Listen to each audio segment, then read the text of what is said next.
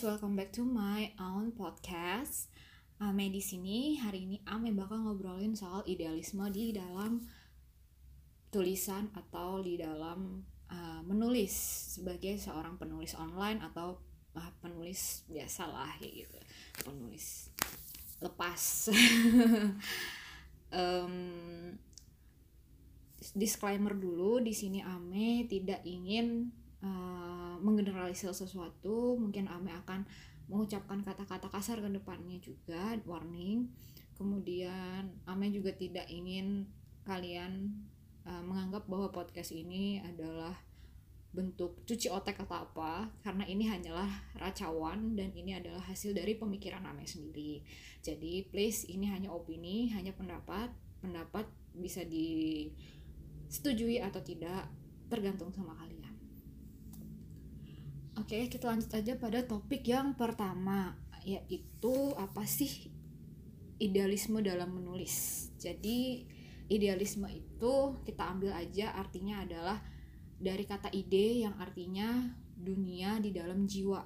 Jadi, pandangan ini lebih menekankan hal-hal yang bersifat ide dan kadang merendahkan hal-hal yang bersifat materi atau fisik jadi lebih kayak idealisme itu lebih kayak uh, buah-buah pemikiran dari seorang penulis itu sendiri. Nah bentuk-bentuk dari buah-buah penulis itu ada berbagai macam. Ada juga jadi kayak misalnya penulis itu lebih senang menulis tentang hal-hal yang bersifat spiritualis atau penulis itu lebih senang menulis tentang hal-hal yang bersifat uh, gore, dark, dan lain-lain. Kemudian ide-ide di dalam penulis itu kadang kan pasti beda dari satu dan yang lain.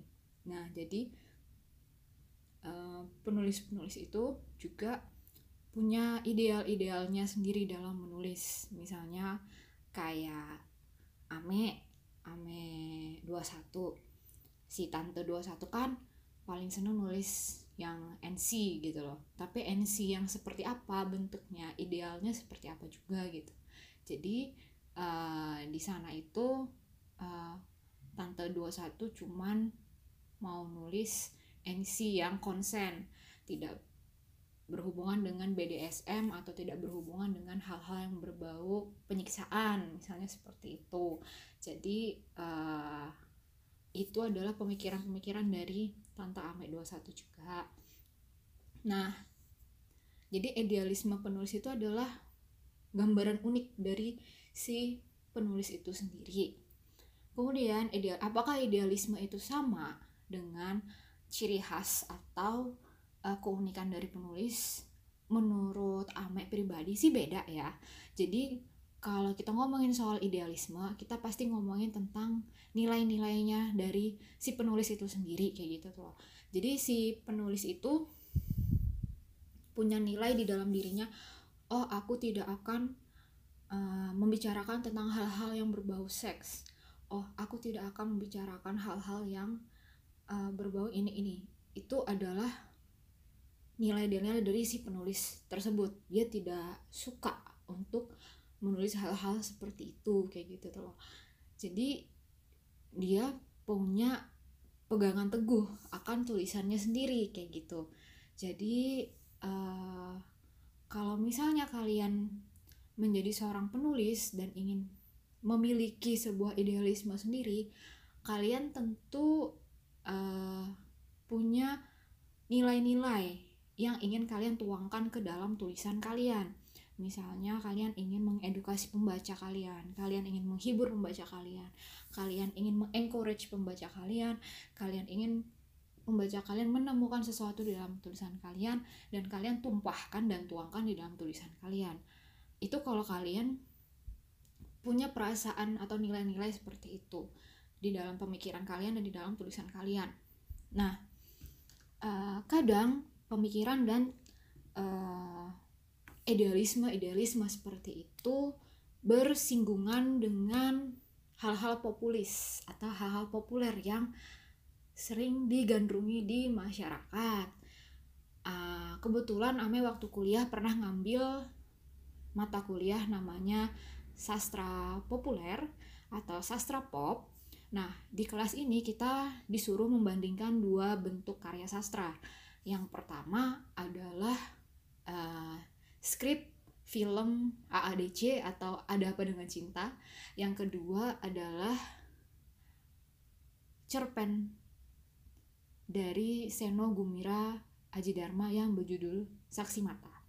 Kami waktu itu disuruh membandingkan apa yang membuat dua naskah sastra ini berbeda dan memiliki pangsa pasarnya atau uh, penerjemahan atau pemaknaan yang berbeda pula.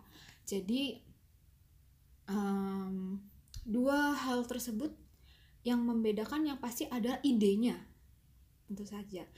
Uh, ide Seno itu berasal dari pemikirannya dan uh, apa ya keluh kesahnya terhadap waktu itu zaman Orde Baru atau zamannya Pak Soeharto. Di sana dia menuliskan tentang bagaimana orang-orang dipersekusi, kemada karena orang-orang dilakukan pelanggaran HAM dan lain-lain dan dituliskanlah uh, tulisan-tulisan seperti uh, yang beliau buat gitu loh. Jadi hadirlah sastra bentuk sastra seperti itu kemudian ada yang namanya uh, kita disuruh baca naskah HADC yang memang isinya ya roman picisan romans-romans yang idenya tidak terlalu dalam tapi justru lebih populer dibandingkan dengan cerpen dari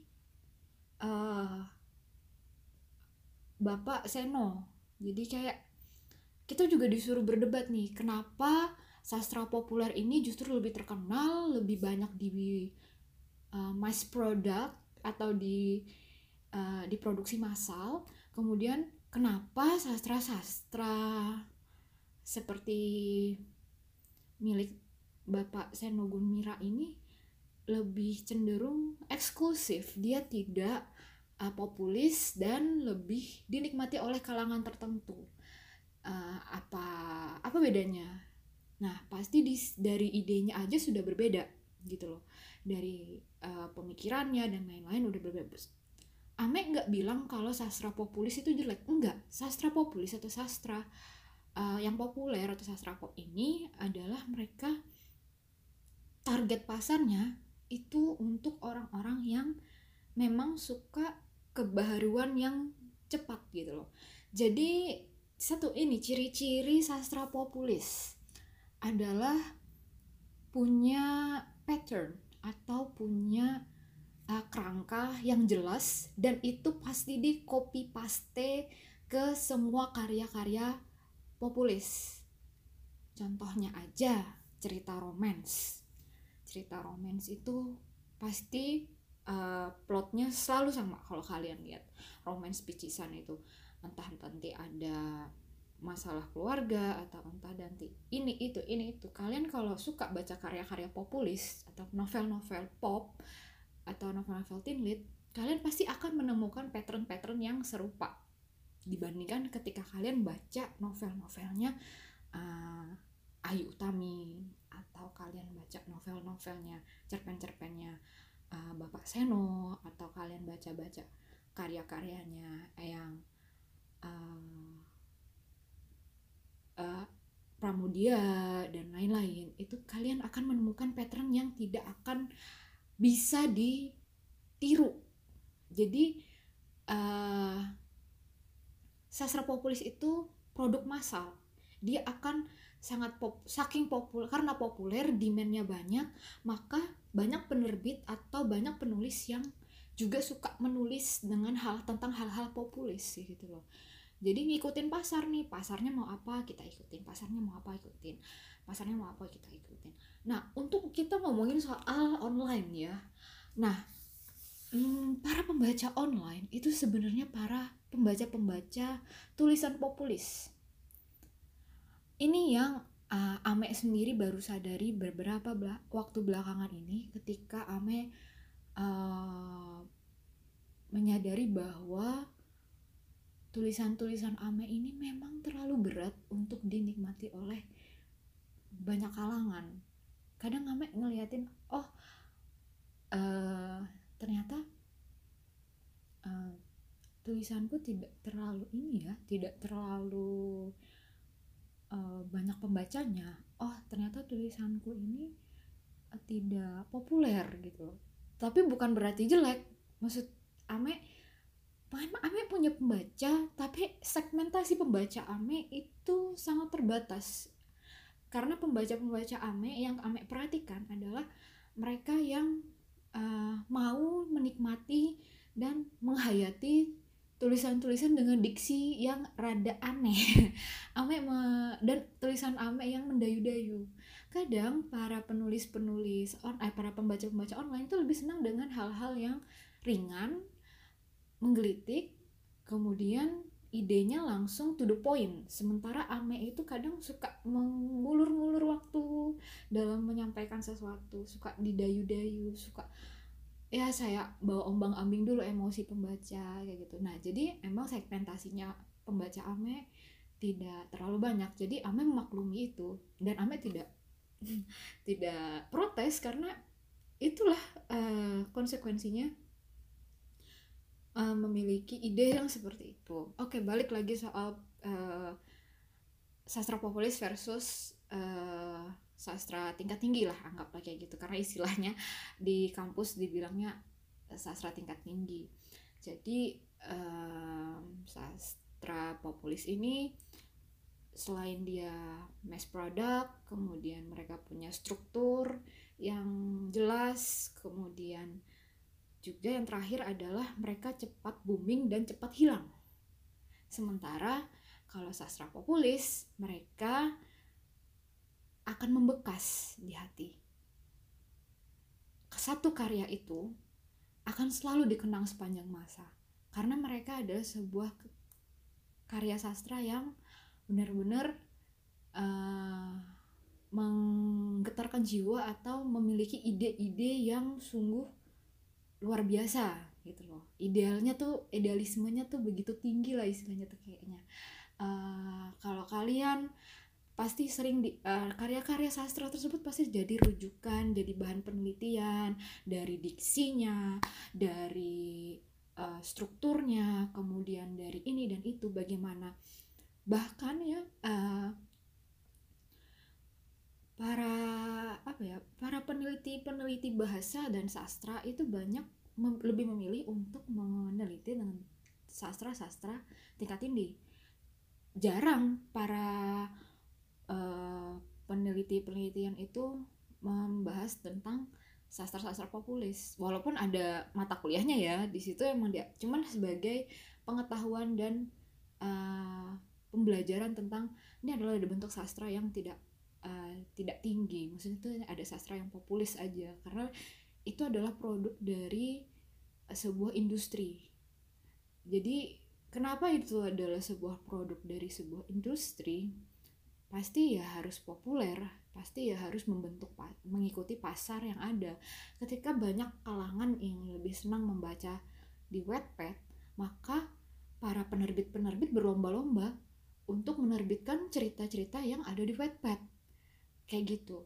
Dan itu tuh sempat jadi sebuah perdebatan di beberapa forum penulisan juga apakah layak uh, penulis-penulis online ini bukunya dibukukan di penulis mayor gitu loh. Karena emang uh, pangsa pasarnya uh, beda banget gitu kan. Tapi itu sah-sah aja karena kita bicara tentang karya sastra populis. Orang penerbit butuh uang kok penerbit butuh apa ya butuh ngasih makan perusahaannya?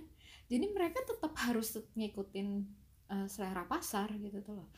Sementara karya-karya sastra tingkat tinggi itu pasti diterbitkan tidak dalam skala yang besar gitu. Mereka hanya akan di ah, mereka kan tetap diterbitkan tapi dalam skala yang kecil gitu um, oke okay, balik lagi soal idealisme ya. Jadi uh, salahkah kamu menjual idealismemu untuk mengikuti pasar? Tadi kita udah ngomongin soal sastra populis dan sastra tingkat tinggi. Uh, sekali lagi Ame bilang ini tidak salah. Kamu boleh ngikutin pasar kamu boleh ngikutin apa mau pembacamu, apa mau orang-orang yang suka baca tulisanmu. Yang harus kamu tekankan dan pahami adalah kamu tetap harus punya idealisme di dalam dirimu. Karena ketika kamu keluar dari zona nyam zona hatimu lah isinya tuh keluar dari idealismemu misalnya Ame nih. Uh, idealismenya Ame itu adalah Ame suka nulis mendayu-dayu. Ide-ide Ame itu dark. Ide-ide Ame itu uh, berat. Ame suka membawa uh, karakter yang seperti ini seperti ini seperti ini.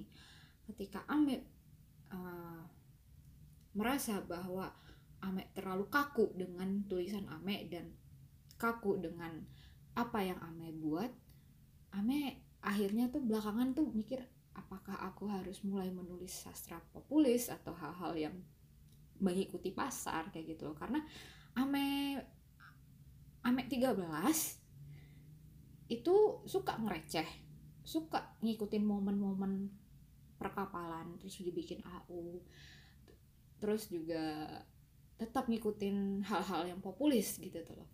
Tapi di sisi lain Ame juga punya kakak 17 dan kakak 2 uh, tante 21 di mana kak karya-karya tulisannya mereka itu lebih ke ngungkapin ide-ide liarnya Ame idealismenya Ame Ame tumpahkan di sana di situ loh.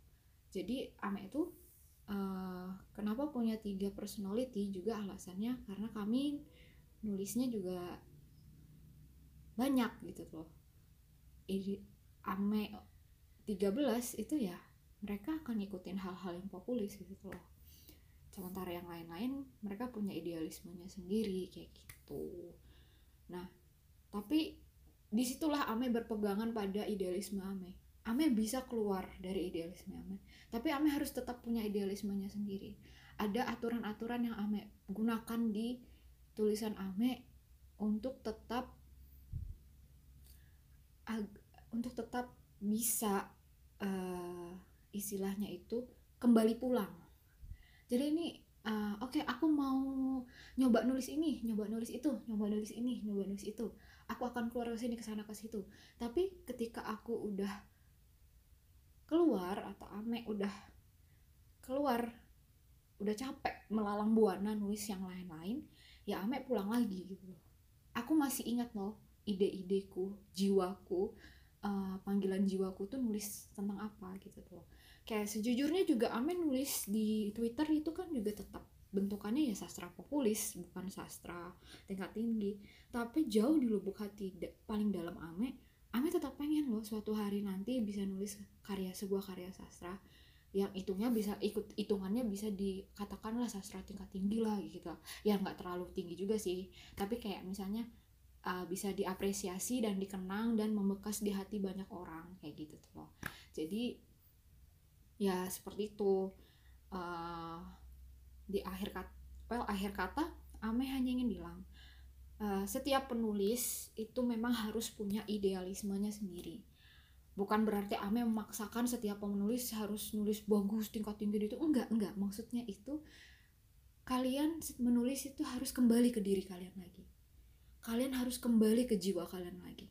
Kalian harus kembali ke dalam uh, apa ya panggilan yang kalian selama ini lakukan. Uh, karena ketika kalian keluar kalian di mengikuti arus dari hal-hal yang populer atau hal-hal yang diinginkan oleh pembaca kalian kalian akan hanyut. Kalian akan tidak punya pegangan gitu tuh. Jadi jangan biarkan diri kalian itu hanyut mengikuti mereka terus kalian kehilangan diri kalian terus kalian nggak punya pegangan sama sekali gitu loh.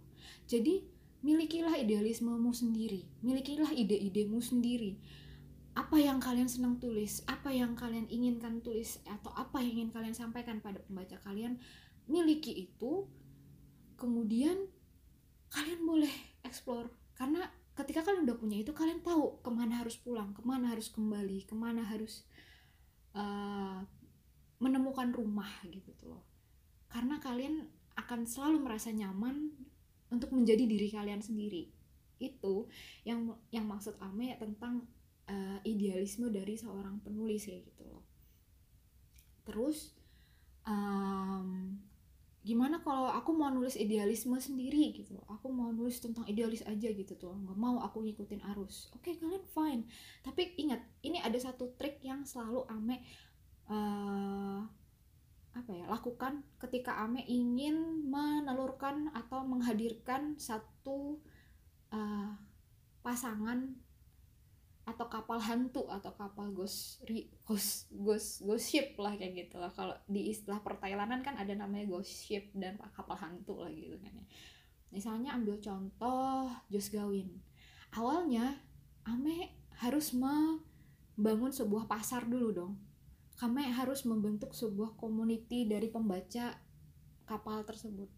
Ya tentu saja kalau kalian baca AU-nya Ame yang itu kalian lihat di awal-awal Ame hanya nulis one tweet, one tweet, one tweet. Itu hanya untuk agar pembaca-pembaca Ame itu terbiasa dengan uh, kapal tersebut gitu loh. Jadi Ame membangun sebuah pasarnya sendiri gitu loh. Ame uh, membentuk pasar bagi tulisan Ame. Kayak gitu. Ketika pasar itu sudah terbentuk ya Ame pelan-pelan naikin lagi uh, bentuk dari tulisan tersebut. Naikin lagi naikin lagi naikin lagi. Nah kayak gitu.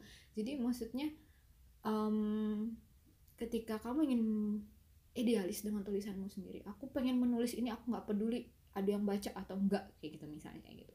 Karena ini panggilan jiwaku. Ya kalian pasti butuh apresiasi. Kalian pasti pengen ada pembaca yang membaca tulisan kalian. Karena untuk apa kalian menulis kalau uh, ide-ide kalian tidak disampaikan gitu loh. Alia, oh ya kalian boleh menulis untuk diriku sendiri. Aku aku nggak peduli ada yang baca atau nggak menulis untuk diriku sendiri. Tapi kalau boleh jujur ya karena Ame sendiri masih manusia yang mau belajar terus gitu ya Ame jujur masih butuh validasi dari pembaca Ame itu masih butuh pembaca untuk uh, mendengarkan atau membaca apa yang Ame tulis gitu loh dan mengapresiasinya. Jadi ya mau nggak mau Ame tetap percaya bahwa uh, tulisan Ame harus dipublikasikan. Kalau untuk menulis untuk diri sendiri untuk apa dipublikasikan? Bukan tulis aja di laptop baca sendiri kemudian eh tulis sendiri baca sendiri. Udah itu untuk karena kita menulis untuk diri sendiri kan. Sebenarnya Ame juga sering kok menulis untuk diri sendiri dan itu sama sekali tidak Ame publikasikan karena memang itu sesuatu yang sangat sangat sensitif. Itu hanya memang untuk Ame gitu loh tapi ketika Ame melemparkannya itu ke media sosial ya Ame tetap ingin ada tayang nanggepin. Saya Ame tidak munafik. Karena pada walaupun pada akhirnya ya uh, untuk membumbung atau menghibur diri ya Ame juga bilang ya tetap percaya bahwa uh, Ame menulis untuk diri sendiri seperti itu. Um, mungkin itu sih yang mau Ame omongin soal idealisme sastra populis dan uh, menulis bagi diri sendiri. Uh, Ame seneng banget kalian mau dengerin sampai akhir. Uh, semoga podcast ini uh, bisa menjadi salah satu sarana buat kalian menambah uh, atau memperluas pemikiran atau wawasan kalian. Ataupun ya ini cuma racawan semata, sih. Terima kasih udah dengerin obrolan dan racawan Ame oke okay, sampai jumpa. Until next time take care. Bye bye